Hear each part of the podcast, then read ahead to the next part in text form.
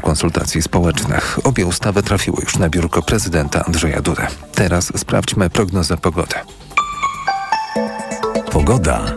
We wschodniej części kraju możliwe przejściowe zachmurzenie i przelotne opady deszczu oraz burze. Temperatura maksymalna wciąż 29 stopni w Szczecinie, 30 w Trójmieście i Poznaniu, 31 w Warszawie, Łodzi, Wrocławiu, Katowicach, Bydgoszczy, Olsztynie i Białymstoku, 32 w Krakowie do 33 w Rzeszowie. Radio TOK FM. Pierwsze radio informacyjne. To jest powtórka. Dzień dobry, Krzysztof Woźniak przed mikrofonem. Zapraszam na kolejnych skołowanych. W dzisiejszej audycji porozmawiamy na temat polityki rowerowej w polskich miastach, a raczej powinienem powiedzieć polityk rowerowych w polskich miastach, bo obraz jest bardzo, bardzo zróżnicowany. Obszerny raport na ten temat został opublikowany przez Obserwatorium Polityki Miejskiej, które działa w Instytucie Rozwoju Miast i Regionów. A autorem całego raportu jest Marcin Chyła, który jest Państwa i moim gościem w dzisiejszej audycji. Dzień dobry.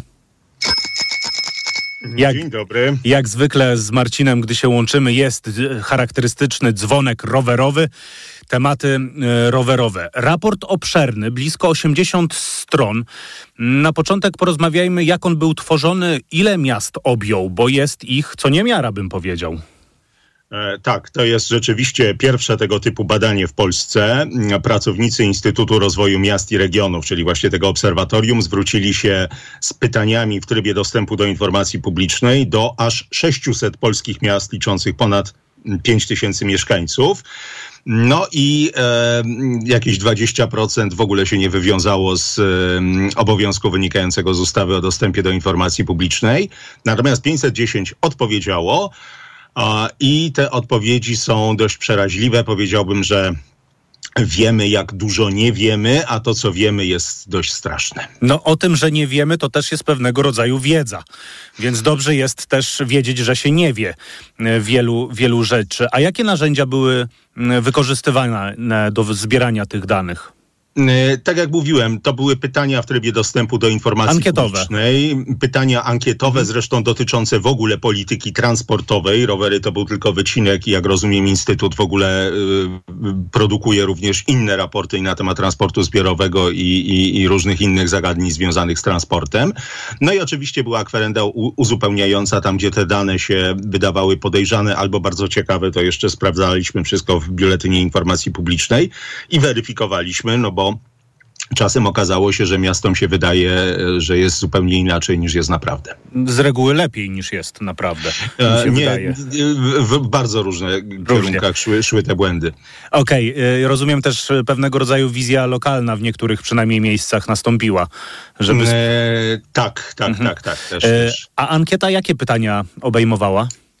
Y, to były pytania, przynajmniej w zakresie rowerowym, bo tak jak mówię, ona była mm. dużo szersza.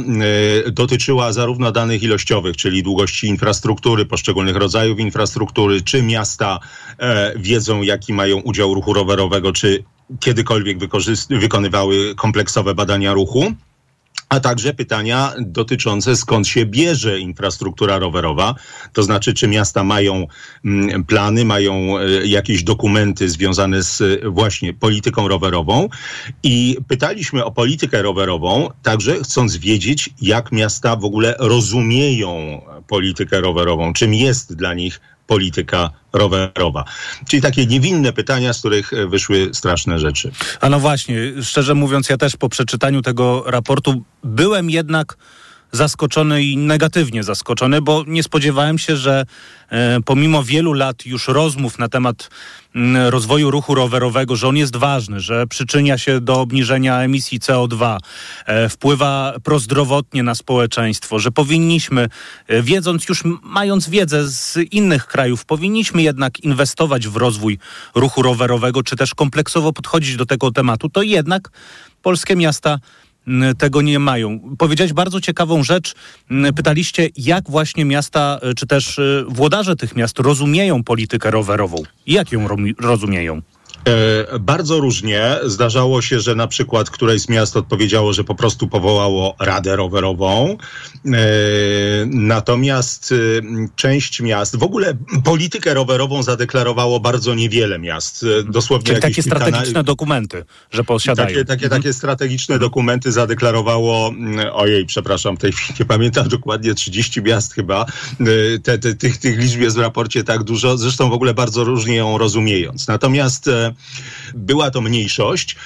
I na pewno siedem miast, siedem z 510 zadeklarowało uchwały Rady Miasta w sprawie polityki rowerowej, że jest to polityka rowerowa. E, I co ciekawe, e, wszystkie te miasta generalnie nie są specjalnie znane z ruchu rowerowego albo im nie wychodzi. E, I we wszystkich tych miastach, z wyjątkiem Strzewa, te polityki były identyczne. Uchwały Rady Miasta identyczne i wszędzie nic z tego nie wyszło.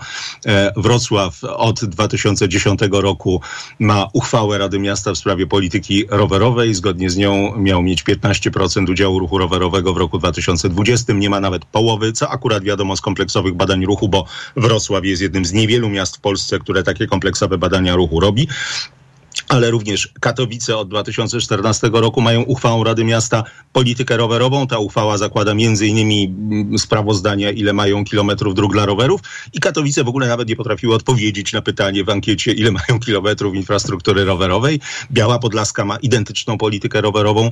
Lublin yy, i to są miasta, które, tak jak mówię, albo nie słyną w ogóle z e, ruchu rowerowego, albo mają wyniki, tak jak w przypadku Wrocławia, dużo gorsze niż miasta, które a, e, polityki rowerowej jako uchwały miasta, zwłaszcza pod takim tytułem, nie mają. No ale to jest bardzo ciekawe na podstawie w takim razie jakich, e, jakichkolwiek dokumentów i jakie to są dokumenty te inne miasta cokolwiek robią w zakresie rozwoju ruchu rowerowego ogromna większość, i to jest znowu taka czerwona flaga, mm. w ogóle nie mają żadnych, nie wiadomo na podstawie jakich dokumentów robią, bo nawet w studium uwarunkowań nie mają mhm. tras mm. narysowanych. I stąd jest ten podstawowy wniosek, prawda, że polskie miasta, polityka rowerowa w polskich miastach to jest albo czysty przypadek, albo wynajdywanie koła na nowo, czyli wymyślanie rzeczy, które gdzie indziej mm, już wiadomo, że działają i wystarczyło skopiować. Więc mm, z tym jest ogromny problem. Bywa też problem, bo oczywiście oprócz dokumentów, które się nazywają polityka rowerowa, były też dokumenty, w których e, hasło rower się pojawiało e, ze 100 razy albo, albo i 200 razy. E, I mm, generalnie też wyglądało, że, że, że nic mądrego z tego nie wyszło. Jest w raporcie porównanie mm, takie może złośliwe, ale wiele mówiące przykładu Skawiny, która miała koncepcję rozwoju ruchu rowerowego rowerowego w jakimś takim planie przyjętym uchwałą Rady Miasta, nierowerowym i Pszczyny. E, I Skawina wydała dwadzieścia kilka milionów złotych i właściwie wszystko musi robić jeszcze raz, bo wszystko zrobiła źle, tragicznie źle, niezgodnie z przepisami, niezgodnie z wszystkim.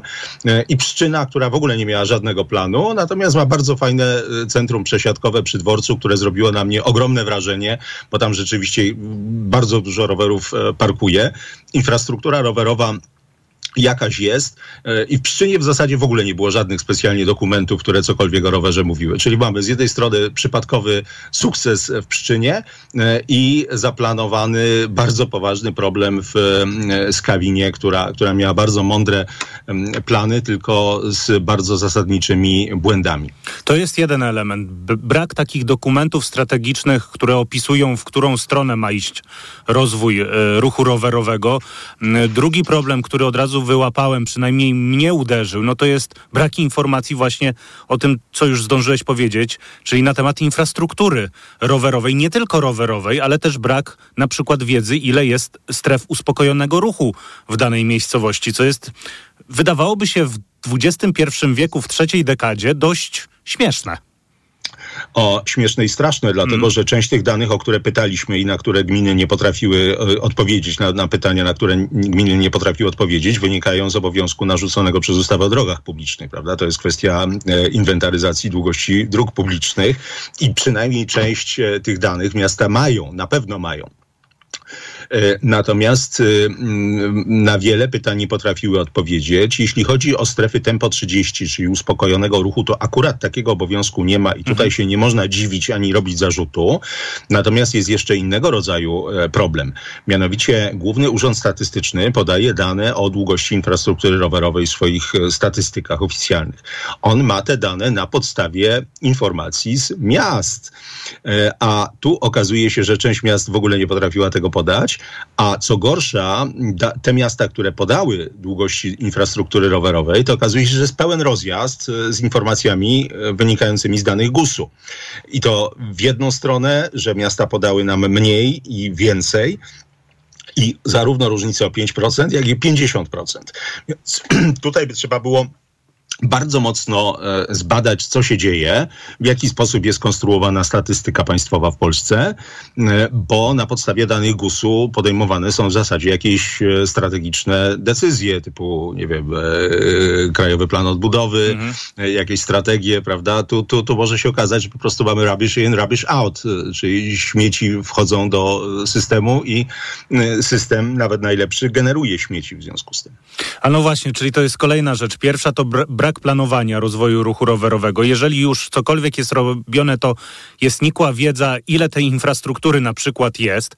No i trzecia rzecz, e, brak badania udziału e, rowerzystów w modelu transportowym danej miejscowości, a co za tym idzie, no, brak sprawdzania efektywności jakichkolwiek działań, jeżeli one w ogóle są.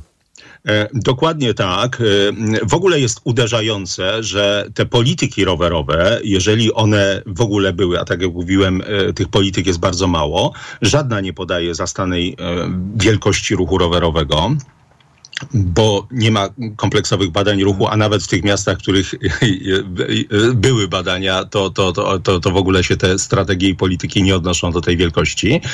E, I e, nie podaje, to jest też uderzające, problemów, które trzeba rozwiązać. Mhm. W bardzo niewielu przypadkach te wszystkie e, akty strzeliste, strategiczne nie podają konkretnych problemów, które należy rozwiązać. Tam są są wnioski typu zbudujmy 100 kilometrów dróg dla rowerów albo 200 kilometrów, badajmy zadowolenie, ale żadna nie mówi rozwiążmy ten problem, tamten problem, w ten sposób, w tamten sposób.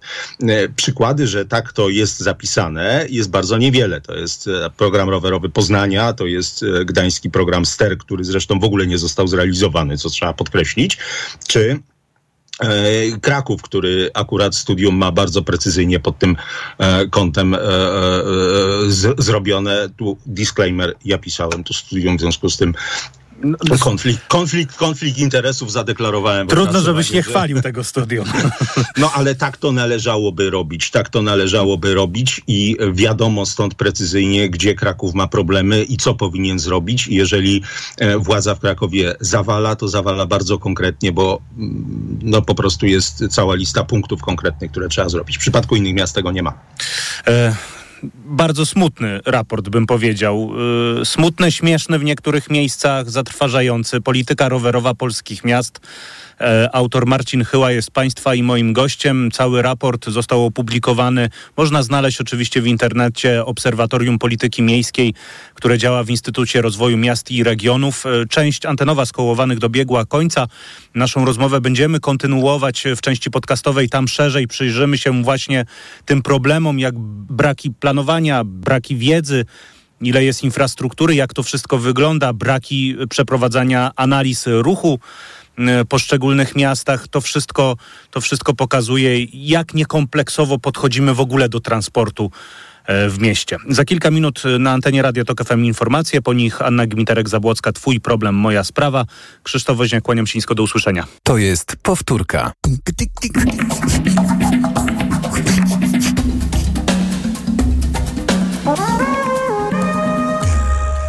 Radio Tok FM. Pierwsze radio informacyjne. Autopromocja. Mała władza. Nowy podcast. Tylko w Tok FM Premium. Zaprasza Andrzej Andrysiak. Dokładnie prześwietlamy w mediach tę władzę na górze, a tę na dole traktujemy pobłażliwie, bo jest samorządowa, bo blisko ludzi, bo przecież rozwiązuje ich problemy. Ale to tylko wersja oficjalna i PR, a nie rzeczywistość. Pojechałem do małych miejscowości, by sprawdzić, co się stało z naszą lokalną samorządnością. Mała władza. Tylko w Tok FM Premium. Słuchaj na tokefm.pl ukośnik władza lub w aplikacji mobilnej. Tok FM. Autopromocja. Reklama. Tato, jestem gotowa do szkoły. Spakowałam pandy, laki, farby, nowy piórnik. A i- książki? A pamiętałeś, żeby je kupić? Ups. Wszystko do szkoły? Na Allegro mają. A do tego wzorowy wybór podręczników, repetytoriów i lektur szkolnych w super cenach. Allegro. Po mamie mam wiele wspaniałych cech i jedną złą. Skłonność do bolących nóg i żylaków. Ale z pomocą przyszedł mi Diohespan Max. Lek z najwyższą dawką 1000 mg diosminy. Odkąd stosuję Diohespan Max, zapomniałam o bólach nóg i nie boję się żylaków. Z pełnym przekonaniem poleciłam go mamie. Diohespan Max. Maksymalna ulga dla nóg. Aflofarm. Diohespan Max. Jedna tabletka zawiera 1000 mg zimpronizowanej diosminy. Wskazania przewlekła niewydolność krążenia żylnego kończyn dolnych. Żylaki. To jest lek. Dla bezpieczeństwa stosuj go zgodnie z ulotką dołączoną do opakowania i tylko wtedy, gdy jest to konieczne. W przypadku wątpliwości skonsultuj się z lekarzem lub farmaceutą. Osoba starsza, która ma problemy z apetytem i mniej je, potrzebuje substancji odżywczych i minerałów. Suplement diety Appetizer Senior zawiera ekstrakt z owocu kopru, który wzmaga apetyt oraz wspomaga trawienie. Dzięki temu bliska Ci osoba może dobrze się odżywiać. Appetizer Senior. Aflofarm. Nas, uczestników ruchu drogowego, łączy jedno troska o bezpieczeństwo. Liczba wypadków systematycznie spada, a od 1 lipca dla samochodów osobowych i motocykli wszystkie odcinki państwowych autostrad są bezpłatne. Podróżujmy bezpiecznie. Szerokiej drogi, bez opłat.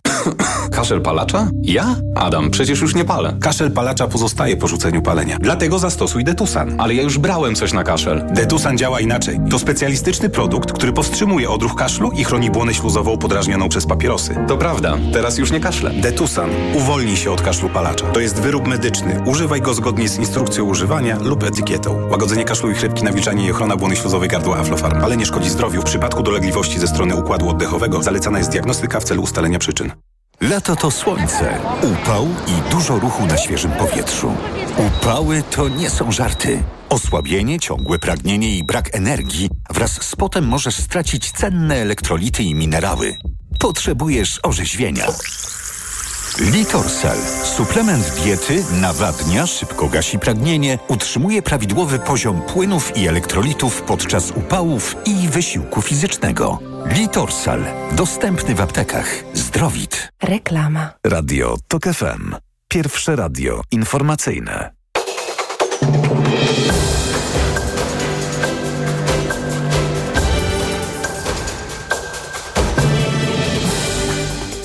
Piętnasta dwadzieścia Marcin Grzebielucha, trzecie już święto tolerancji, różnorodności i solidarności, czyli Marsz LGBT w Kielcach. Tęczowy tłum ruszył z Parku Staszica. Uczestnicy przychodzą ulicami miasta, by wyrazić wsparcie dla osób LGBT oraz wszystkich zagrożonych wykluczeniem i dyskryminacją. Marsz Równości odbywa się też w Gorzowie Wielkopolskim. O wzięcie udziału w nadchodzących wyborach do Sejmu i Senatu zaapelowali w Rzeszowie kandydaci KO i Paktu Senackiego z Podkarpacia. Podkreślali, że to najważniejsze wybory po 1989 roku. Dwa kąpieliska w województwie pomorskim są zamknięte dla plażowiczów. Wśród powodów są bakterie coli. A więcej o tym w informacjach o 16. Radio TOK FM. Pierwsze radio informacyjne. Twój problem, moja sprawa. Anna Gmiterek-Zabłocka, kłaniam się wszystkim w programie Twój problem, moja sprawa. Proszę Państwa, u mnie na początek Warszawa. Tam niedawno podpisano deklarację, która ma istotne znaczenie w walce z mową nienawiści, dyskryminacją czy ksenofobią. O tym właśnie na początek, już teraz w rozmowie z moim gościem. Twój problem, moja sprawa. Państwa i moim gościem w studiu w Warszawie w Radiu Tok FM jest pan Piotr Kwapisiewicz z Żydowskiego Stowarzyszenia Czulen. Dzień dobry panie Piotrze. Dzień dobry. Pan Piotr przyjechał z Krakowa, natomiast będziemy rozmawiać o rzeczy, która wydarzyła się w Warszawie, ponieważ w Warszawie miasto y, wspólnie właśnie ze społecznością, między innymi z Pana stowarzyszeniem, e, podpisało taką szeroką deklarację mm, dotyczącą tak zwanej roboczej definicji antysemityzmu. To jest deklaracja opracowana przez Międzynarodowy Sojusz na Rzecz Pamięci o Holokauście. I to jest, myślę, bardzo ważne wydarzenie w obliczu tego wszystkiego, o czym no niestety od jakiegoś czasu w Polsce słyszymy, również w kontekście społeczności żydowskiej, ale też szerzej migrantów, migrantek, uchodźców, uchodźczyń.